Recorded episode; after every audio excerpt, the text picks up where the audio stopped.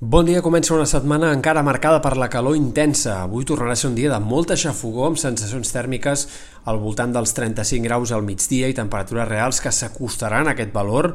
en sectors de Ponent o també en algunes comarques de Girona a causa del vent de Garbí, que avui es deixarà sentir una mica més intens que no pas en dies anteriors. Un dia de cel enterbolit en molts moments, però amb poques possibilitats de pluja. Només hi haurà alguns ruixats aquesta tarda en sectors del Pirineu i Prepirineu occidentals, especialment. De cara a demà, el que esperem és que a poc a poc, a mesura que avanci la setmana, la inestabilitat vagi en augment. Aquest dimarts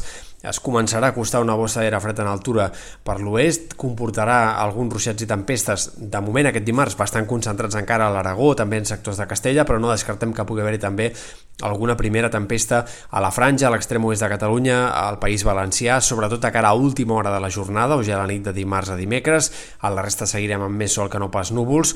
i pel que fa a les temperatures, d'encara demà la calor serà intensa, de fet pot ser fins i tot més intensa que no pas avui en alguns punts de la costa, i la pròxima nit serà de més mal dormir arran de mar que no pas aquesta última matinada encara. De cara a dimecres i sobretot de cara a dijous, divendres, eh, com comentàvem, la inestabilitat anirà més i hem d'esperar cada cop més ruixats intermitents.